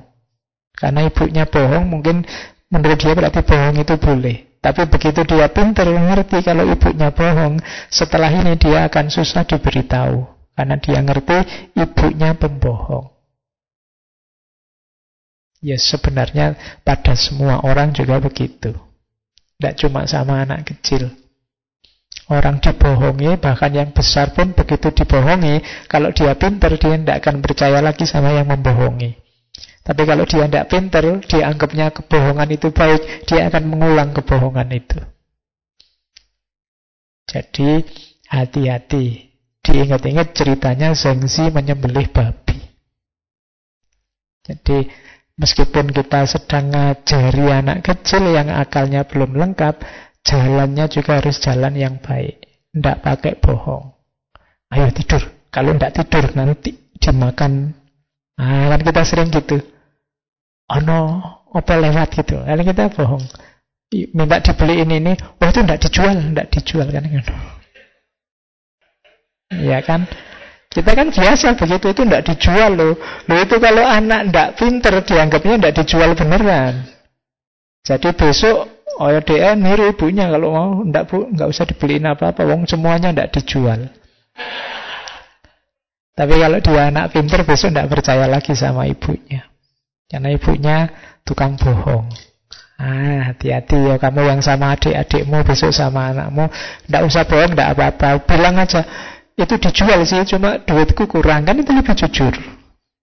Ibu ndak bawa uang, tapi tidak bawa uang beneran lo ya, kurang beneran lo ya, tidak bohong. Kalau bohong ya nanti dia lama-lama dia tahu. Atau bawa uang si ibu, tapi itu tidak penting. Masih banyak hal lain yang lebih penting untuk dibeli. Masih butuh beli beras, masih kalau beli mainan terus tidak bisa beli beras, nanti tidak makan gimana? Sama anak kecil jujur juga tidak apa-apa kok. Nanti nangis ya pun nangis. Memang anak kecil nangis. Lebih lucu kalau yang besar yang nangis. Oke. Ya untuk pendidikan anak-anak. Jadi hati-hati. Karena anak kecil itu masih sensitif. Kalau kalian sih cuek aja dikituin. Tapi kalau yang kecil dia masuk. Melihat apa pun, diberi apa pun masuk. Kenapa anak kecil sekarang kok aneh-aneh? Postingannya kadang kayak postingannya orang dewasa, lalu karena itu yang dia serap dari lingkungannya, yang dia tiru dari sekelilingnya. Jangan salahkan mereka. Kita yang mewarnai dia sehingga jadi begitu. Oke, terus kisah ular di kolam kering. Ini sindiran pada orang yang suka hal-hal yang ajaib, mengejutkan, wow. Cara berpikir kita. Jadi ini ada cerita satu kolam yang airnya habis. Tinggal dua ekor ular, satu besar, satu kecil. Dua ekor ular ini ngobrol. Ini kita saatnya keluar dari kolam, wong airnya sudah habis. Tapi kalau kita jalan beriringan, mesti nanti ketemu orang, wong kamu besar sekali. Kalau ketemu orang, wassalam, nasib kita akan tamat. Kita akan dibunuh. Sekarang gini saja, biar kita tidak dibunuh oleh manusia, kita jalannya sambil numpuk. Saya naik ke atasmu. Nah, kalau kita jalannya sambil numpuk, nanti orang yang lihat kita mesti menganggap kita ini ular ajaib. Atau menganggap kita ini ular utusan langit macam-macam. Kita aman. Tidak ada yang berani macam-macam kalau sudah kayak gitu. Itu memanfaatkan cara berpikirnya manusia juga dengan yang aneh-aneh, yang ajaib-ajaib. Dan ularnya jalan dengan numpuk, selamat dia. Orang lihat, uh, ini ada dewa ular, malah disembah mungkin. Ya kan? Kita sering lihat itu kan ular berkepala dua. Ular itu kan, oh itu jangan-jangan ularnya bikin trik daripada aku tewas. Bikin trik yang aneh-aneh biar tidak dibunuh oleh manusia. Kenapa manusia suka yang semacam ini? Suka yang aneh-aneh. Kalau ingin selamat ya begitu sudah melakukan hal yang aneh nanti dianggap ajaib. Kalau sudah dianggap ajaib, selamat nyawamu. Nah, itu yang dilakukan ular. Ini menyindir cara cara berpikir, cara hidup kita selama ini. Kita biasanya kalau ada yang tidak masuk di akal kita, terus kita anggap luar biasa, kita anggap wow. Jadi hal-hal yang aneh, yang mengejutkan itu kan terus kita anggap sebagai kebenaran. Nah itu cerita tentang ular ular di kolam kering. Logika yang sama dilakukan biasanya para artis. Para artis itu ada melakukan aneh-aneh biar viral. Pansos gitu kan. Pansos itu kan logika cerita ular di kolam kering. Begitu kamu aneh, orang perhatian padamu. Nanti nilai jualmu naik. Karena manusia sukanya yang aneh-aneh. Kalau kamu biasa-biasa saja, kamu akan lewat begitu saja dalam sejarah, tidak ada yang peduli. Tapi begitu kamu aneh-aneh, oh kamu diingat orang. Teman masa kecil yang kamu ingat kan yang aneh, yang biasa-biasa agak lupa, tapi yang mungkin dulu pernah nakal apa, pernah menjahilimu apa, pernah yang aneh-aneh yang muncul di dosen paling kejam paling kamu ingat pertama. Setelah itu baru dosen yang paling baik. Setelah itu baru dosen yang biasa-biasa kadang ada yang sampai namanya lupa. Itu dosen saya dulu, lupa aku namanya siapa. Sering begitu mahasiswa itu. Oke, jadi untuk diingat apa? Pakai logika ceritanya ular di kolam kering. Lakukan yang aneh-aneh. Kalau kamu pengen apa video-video viral ya cari cerita ular di kolam kering. Saya ngomong kayak gini kok nadanya datar terus Pak Faiz ini ngomongin ndak ada iramanya, ndak ada nadanya, biar ada orang dengerin terus ditambahin musik. ya kan? Kan gitu, biar menarik terus saya ngomong ada musiknya di belakang. Kadang-kadang musiknya lebih keras. Jadi akhirnya nggak jadi dengerin kan cuma dengerin musik, musiknya enak. Pokoknya videonya tidak ada yang lihat, satu-satunya yang lihat terus komentar, itu musiknya apa ya? Oke. Okay. Ya, khusus ngaji nih penting belas. Oke okay, ya, itu cerita ular di kolam kering namanya. Kalau tidak ada musiknya siapa mau dengerin? Oke, okay, terus. Nah, ini juga sering terjadi. Menanti kelinci kesasar istilahnya ya saya tidak tahu bahasa Indonesia nya kesasar itu apa ya tersesat harusnya ya Tidak apa-apa, ini sudah terlanjur pakai bahasa Jawa. Kelinci kesasar. Kelinci yang tersesat. Jadi satu ketika di negeri Song ada petani yang sangat miskin. Kerja keras sekali demi menghidupi keluarganya. Tiba-tiba saat dia kerja di ladang ada kelinci melintas. Dia kaget, kelinci ini ya kaget. Saking Iya kan biasa begitu. Kalau kamu jalan di mana tiba-tiba ada kucing, kamunya kaget, kucingnya kan juga kaget. Oke, kamu marah-marah sama kucingnya ngagetin aja. Kucingnya juga begitu sebenarnya. Nah, sama-sama kaget terus kelinci ini lari ada orang dia tidak perhatian terus nabrak pohon. Terus tewas kelincinya. Wah, Pak Taninya seneng rezeki. Kelincinya dibawa pulang masak malam itu satu keluarga mas, makan enak, makan kelinci karena biasanya miskin susah makan enak. Anak-anaknya senang, keluarganya senang. Wah, terus dalam pikirannya petani, oh, besok harus ke sawah lagi. Siapa tahu ada kelinci lagi. Besoknya ditunggu, ndak ada kelinci lagi yang lewat. Wah, ini kok ndak ada ya? Oh, mungkin besok. Di berhari-hari sampai berminggu-minggu akhirnya dia apa? Dia ndak kerja di ladang, cuma nunggu kelinci lewat. Siapa tahu ada kelinci lewat. Dan diketawain oleh tetangganya. Jadi kamu itu cara mikirmu gimana? Jadi ini kritik pada kita yang susah membedakan mana kebenaran, mana kebetulan. Ada beda antara kebenaran dan kebetulan. Kalau itu kebetulan, tidak bisa diulang. Peristiwa kebetulan itu sekarang iya, besok enggak. Itu kebetulan, bukan keben kalau kebenaran itu ya besok ada kelinci lagi, besoknya ada kelinci lagi, berarti memang di sini jalurnya kelinci. Tapi kok tidak, itu kebetulan. Kalau kebetulan tidak bisa jadi pedoman.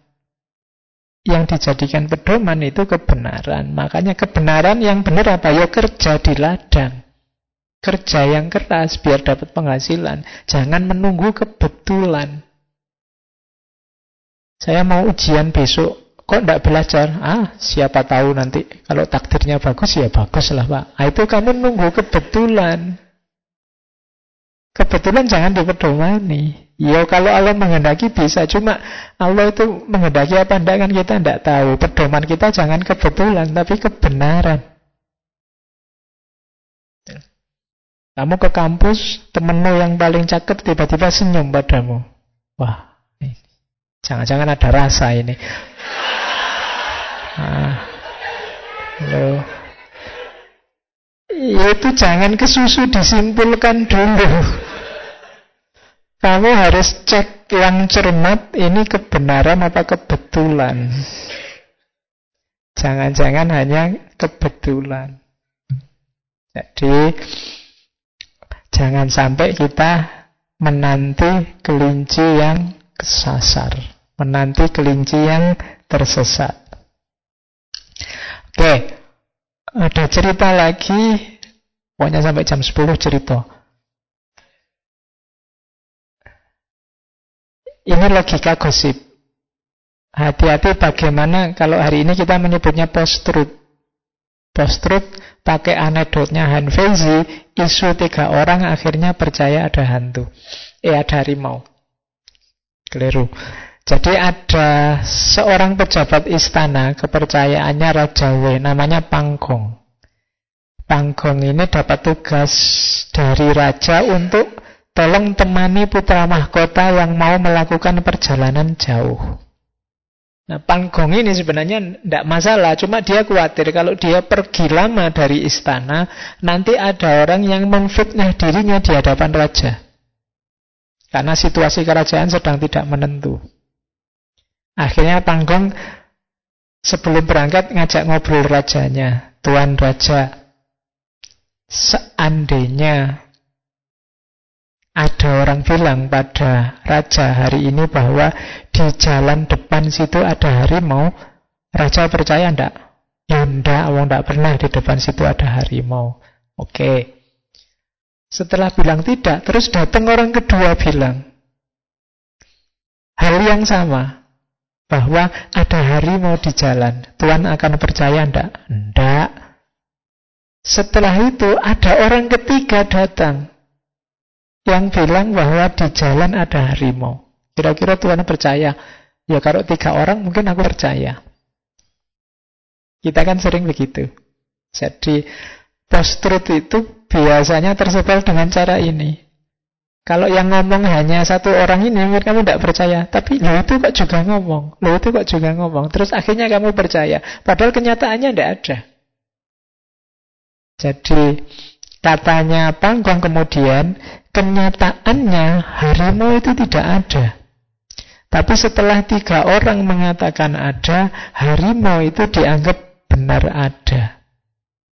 Hamba sekarang mendampingi putra mahkota ke negeri yang jauh. Mungkin ada orang yang membuat isu tentang diri hamba. Lebih dari tiga orang, mohon baginda tidak cepat percaya sebelum melihat kenyataannya. Jadi, maksudnya Gong itu apa? Jangan peduli orang, berapa orang yang ngomong bahwa itu benar. Cek saja kenyataannya. Karena gosip itu berkembang ya seperti itu. Dari orang satu ke orang kedua, dari orang kedua ke orang ketiga. Terus lama-lama karena banyak yang ngomong, terus kita percaya. Kalau kesalahan logis kita sering menyebutnya namanya et populum. Jadi kalau banyak orang menganggap benar, terus kita anggap itu benar. Padahal tidak mesti. Jadi kebenaran itu tidak tergantung berapa orang yang ngomong. Tapi sering kali kita, kalau teman ini ngomong A, teman itu ngomong A juga, yang sana ngomong A juga, berarti A itu benar. Padahal ya tidak mesti benar. Sebelum ada bukti konkret, bukti kenyataannya. Jadi isu tiga orang akhirnya percaya ada harimau. Kalau ada orang lari ke sini, Mas, di depan sana loh, ada harimau. Kan terus tidak percaya kalau cuma dia. Tiba-tiba datang orang kedua, benar loh di sana ada harimau. Kita sudah setengah kan tidak percayanya. Ah, orang ketiga datang, ada harimau benar di sana. Biasanya terus kita percaya. Jadi logika gosip berkembang semacam ini. Itu yang terjadi hari ini di medsos terus kita kenal para pelakunya sebagai buzzer. Kerjaannya buzzer ini kan semacam ini, memasifkan isu. Ketika banyak orang percaya, terus dari kebohongan jadi kebenaran. Sampai level kalau post itu kan yang tadi bohong itu yakin bahwa itu benar. Awalnya kan kamu yang bohong, kamu ngarang cerita ada harimau. Begitu banyak orang percaya, kamu ikut-ikutan percaya bahwa ada harimau. Ya kan? Post-truth itu sampai level yang bohong percaya bahwa itu benar. Padahal tadi dia yang bikin-bikin. Mungkin temennya lari terus dia ikut lari. Itu kan sama kayak ceritanya Nasruddin itu kan membohongi anak kecil. Eh, di sana ada bagi-bagi kue loh. Oh, anak kecil pada lari ke sana. Dia ikut-ikutan lari. Ditanya orang, lu kok kamu ikut-ikutan lari? Tadi kan kamu yang bikin-bikin berita. Loh, siapa tahu ada yang bagi kue beneran di sana. Jadi, tadi dia yang bohong kok sekarang malah bingung dewe deh. Nah, itu isu tiga orang percaya ada harimau. Oh, masih ada. Bunyi genderang mempermainkan ayat ini. Kalau ini cerita dari negeri Chu. Rajanya namanya Chu Liwang. Jadi raja ini satu ketika santai-santai mabuk.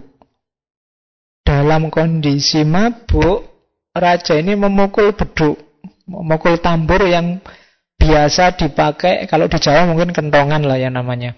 Kalau di Cina tambur. Untuk kalau ada peringatan tanda bahaya. Raja ini karena mabuk, tidak sadar, dipukul keras-keras. Rakyat dengarnya, wah ini kerajaan terancam ini. Semuanya keluar bawa senjata sepunyanya, cangkul, sabit dibawa semua. Begitu nyampe kerajaan, orang-orang kerajaan bingung lah ini gimana? Oh tidak ada apa-apa. Ya terus dijelaskan, wahai rakyat, tadi keliru, rajanya mabuk, jadi mukul-mukul itu ya. Ya kalau pakai hari ini mungkin rakyatnya semua bilang, hu gitu. Pulang, tapi jengkel rakyatnya. Nah, Selanjutnya ada bahaya beneran. Dipukullah tambur itu untuk isyarat bahwa ada bahaya beneran. Tapi rakyat sudah tidak percaya, ah paling mabuk lagi. Mukul tambur lagi. Akhirnya tidak ada yang datang. Padahal itu benar-benar bahaya. Jadi ini peringatan buat kita hati-hati. Sekali kamu bohong, orang tidak akan percaya lagi. Sebanyak apa pun kejujuranmu selama ini. Karena orang itu biasanya kesalahan itu lebih besar efeknya dibandingkan sebanyak apa pun kebaikan yang kamu tanam. Jadi bunyi genderang mempermainkan rakyat. Terus kalau ini cerita tentang Zhao Xiangshu belajar mengendarai kereta. Jadi ada raja negeri Zhao namanya Zhao Xiangshu yang ingin belajar naik kereta. Maka dia mengundang ahli kereta kerajaan namanya Wang Ziki. Pingin belajar, pingin diajari. Setelah diajari, raja ini nantang. Ayo, aku sudah ngerti caranya naik kereta. Sekarang kita berlomba. Balapan. Tapi sekeras apa pun raja ini tetap kalah. Akhirnya raja marah-marah. Wah, kurang ajar kamu Wang Ziki. Mesti kamu kasih ilmu yang rendah-rendah. Mesti kamu nggak tuntas ngajarinya. Katanya Wang Ziki enggak, bukan itu Tuhan. Tuhan melakukannya tidak tepat. Kereta kuda itu tergantung pada kudanya. Perhatikan talinya agar kuda tetap nyaman. Pengendara juga harus serasi dengan kuda. Baru lalinya maksimal. Tapi kalau Tuhan kan tidak begitu. Kalau Tuhan saat tertinggal, Tuhan hanya memikirkan bagaimana mengejar aku. Saat sudah di depan, Tuhan ketakutan takut kalau saya dahului. Akhirnya Tuhan hanya memikirkan menang kalah. Kalau hanya mikir menang kalah, bagaimana Tuhan bisa konsentrasi menjaga keseimbangan dengan kuda? Ini sindiran bagi kita. Kita yang terlalu mikir kalah menang. Terlalu mikir hasil sehingga tidak peduli dengan proses. Padahal logikanya tidak bisa dibalik. Hasil yang baik itu dari proses yang baik. Kita selalu mikir, jangan-jangan temanku IP-nya lebih tinggi. Jangan-jangan aku sudah tinggi sih, jangan-jangan nanti disalib oleh temanku. Yang dipikir ini tidak dipikir belajarnya saja yang baik. Naik kuda, lomba kuda juga begitu. Kalau hanya fokus pada mengalahkan yang lain, ya akhirnya apa? Tidak bisa seimbang sama kudanya. Bekerja juga begitu. Kerja saja yang baik, sebaik mungkin nanti hasilnya pasti kamu nikmati. Tidak usah dipikir di awal. Saya pengen uang banyak. Loh kalau kamu kerja serius, bagus, fokus, otomatis uangmu banyak, pangkatmu naik. Tapi kalau kamu mikir mengalahkan temenmu biar kamu naik pangkat ya. Tidak jaminan pekerjaanmu bagus sukses. Jadi itu cerita Zhao Xiaozhu belajar naik kuda. Kalau ini sindiran buat kita. Jadi di negeri Chu ada aturan dilarang menambang emas tanpa izin. Bagi siapa yang ketahuan dapat hukuman berat. Tubuhnya akan dibelah dengan ditarik oleh lima ekor kuda ke lima arah. Hukumannya ngeri. Tapi apa? Orang-orang tetap tidak berhenti ingin mencuri, menambang emas, sehingga banyak yang dihukum mati. Kenapa bisa begitu? Karena banyak orang yang mentalnya untung-untungan. Siapa tahu untung, siapa tahu lolos. Kita sering begini. Kenapa hukum itu kok dilanggar terus kamu lampu merah sudah jelas merah kamu tabrak kenapa? Siapa tahu lolos. Siapa tahu tidak masalah. Siapa tahu banyak orang punya cara berpikir begini. Jadi nyari untung. untung-untungan. Sudah diprit oleh polisi, gak saya banter ke Siapa tahu diculke sama polisinya. Siapa tahu dibebaskan. Kita selalu untung-untungan. Sudah tahu buang sampah banyak di sungai akibatnya banjir. Tapi kita tetap buang. Argumennya apa? Siapa tahu tidak banjir. Logika ini yang sering terjadi. Meskipun ada undang-undang dihukum mati, pencurian emas jalan terus. Koruptor-koruptor itu ya ngerti loh nek korupsi itu jahat, ada larangan, hukumannya berat. Tapi kenapa tetap korupsi? Karena apa? Siapa tahu ndak ketahuan. Siapa tahu selamat. Siapa tahu lolos. Logika ini yang dipakai.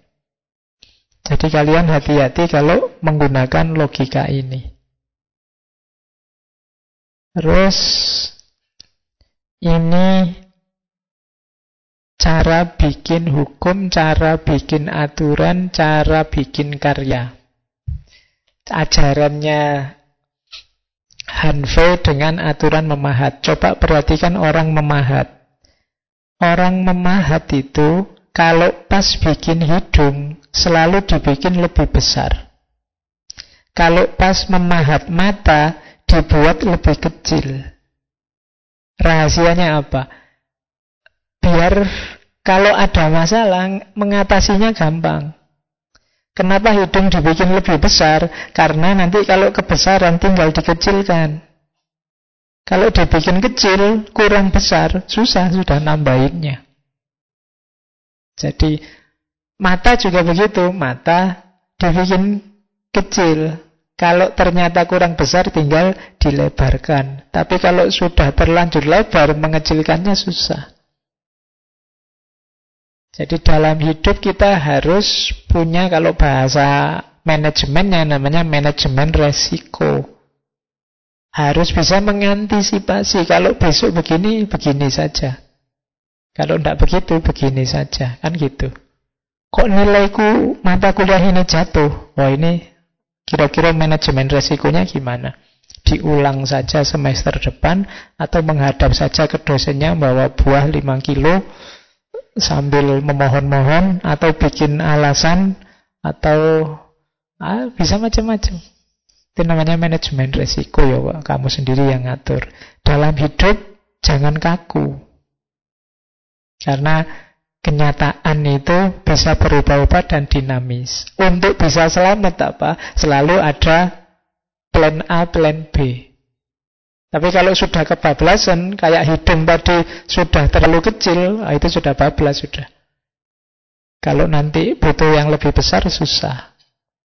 Jadi, itu pelajaran dari Hanfei.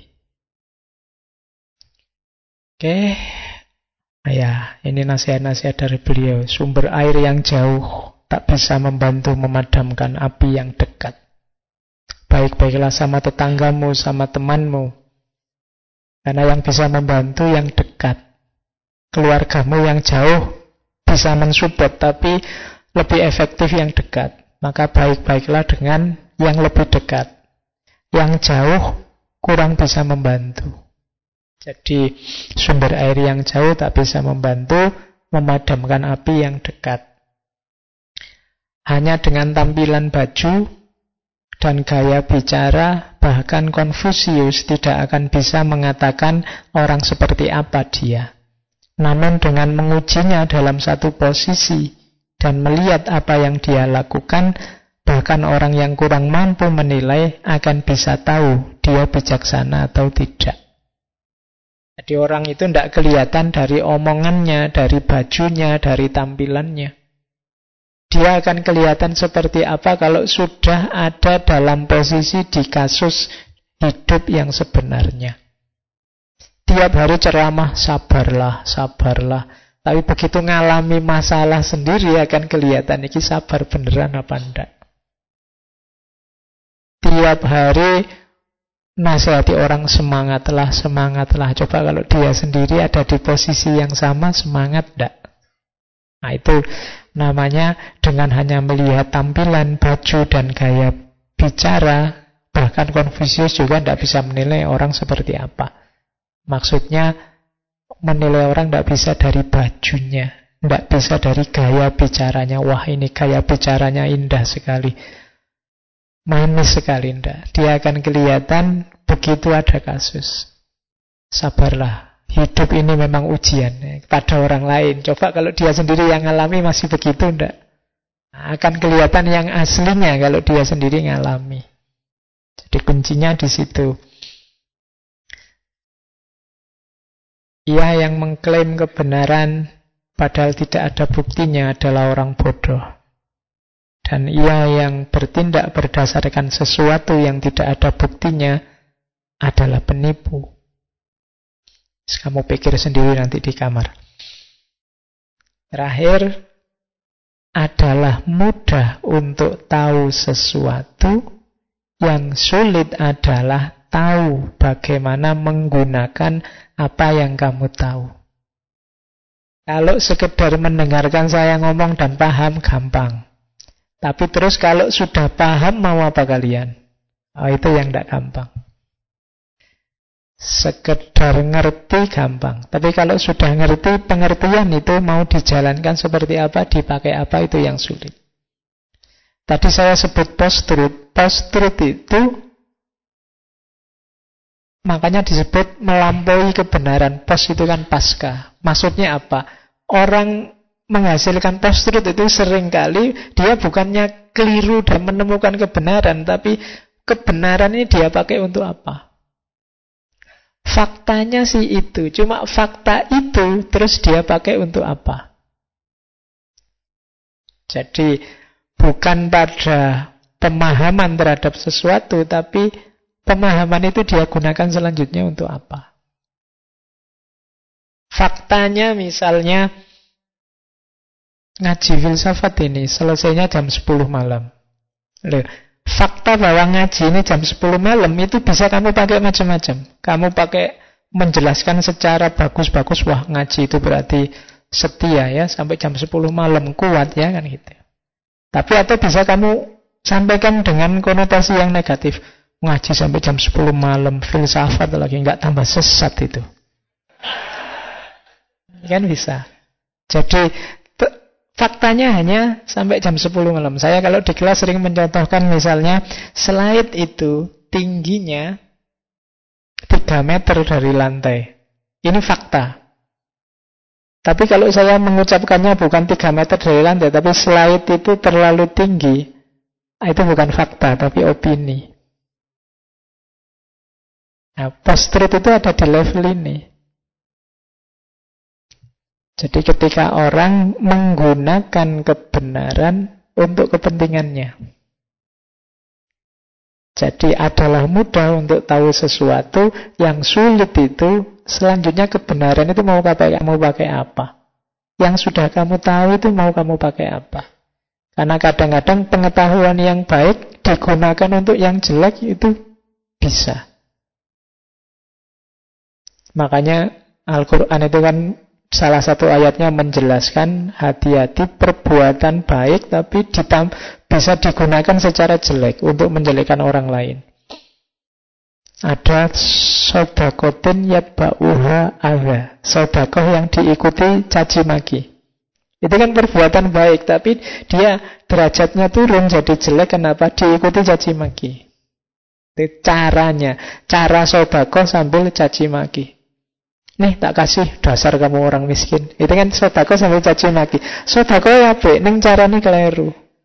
Sodako itu kebenaran, kebaikan, tapi digunakan secara salah. Jadi mudah untuk tahu sesuatu, yang sulit itu kalau sudah tahu mau apa. Saya tidak setuju pak pikirannya Hanfezi bahwa kita harus kaku dengan hukum. Oke, kamu sudah tidak setuju, terus kamu pengennya gimana? Nah, itu selanjutnya gimana? Atau saya setuju, oke, kalau kamu setuju, terus selanjutnya bagaimana? Nah, itulah yang dimaksud oleh quotes ini. Jadi mudah untuk tahu sesuatu, tapi yang sulit adalah bagaimana menggunakan apa yang kamu tahu. Oke, saya kira itu ya malam ini dongeng-dongeng kita bersama Hanfeisi dan legalismenya. Minggu depan kita ketemu Taoisme. Kita ketemu salah satu tokohnya Zhuangzi. Konfusianisme minggu lalu bersama Mencius, malam ini legalisme Hanfei, minggu depan kita Zhuangzi dengan Taoismenya, dan nanti minggu terakhir Mozi dengan Mohismenya. Empat aliran besar dalam filsafat Tiongkok kuno. Oke, saya akhiri sekian. Kurang lebihnya mohon maaf. Wallahu muwafiq. Wallahu a'lam bisawab. Wassalamualaikum warahmatullahi wabarakatuh.